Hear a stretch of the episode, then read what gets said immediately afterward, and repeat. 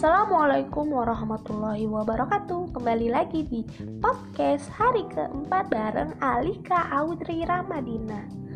Jadi hari ini aku mau mereview materi Mabim hari keempat Selasa 15 September 2020 Materinya yaitu manajerial, struktur keremaan, dan struktur kelembagaan.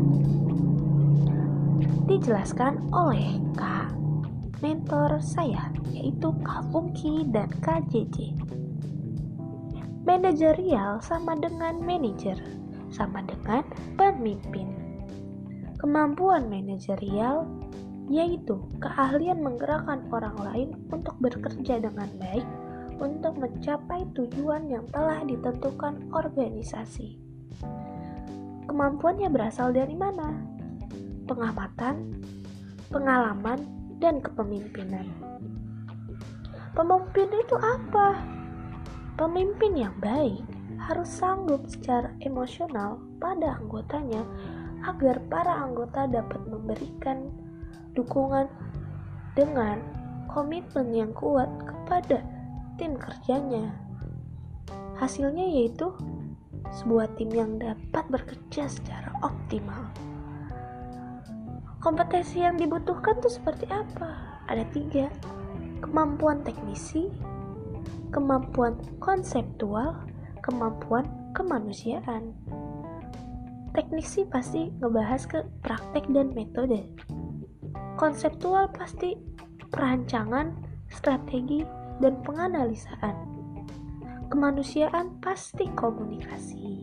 Seperti itu cara meningkatkan kemampuan manajerial, yaitu komunikasi, penyelesaian masalah, manajemen waktu, pengorganisasian.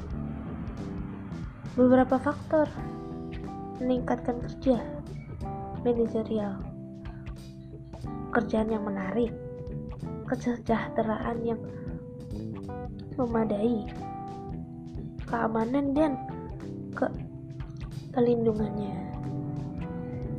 Rendahnya kemampuan manajerial itu seperti apa? Kurang memahami tugas sebagai pemimpin, kurang memahami peran manajerial, kurang motivasi dan menggerakkan anggotanya, kurang antusias terhadap penugasan, kurang tegas dalam keputusan.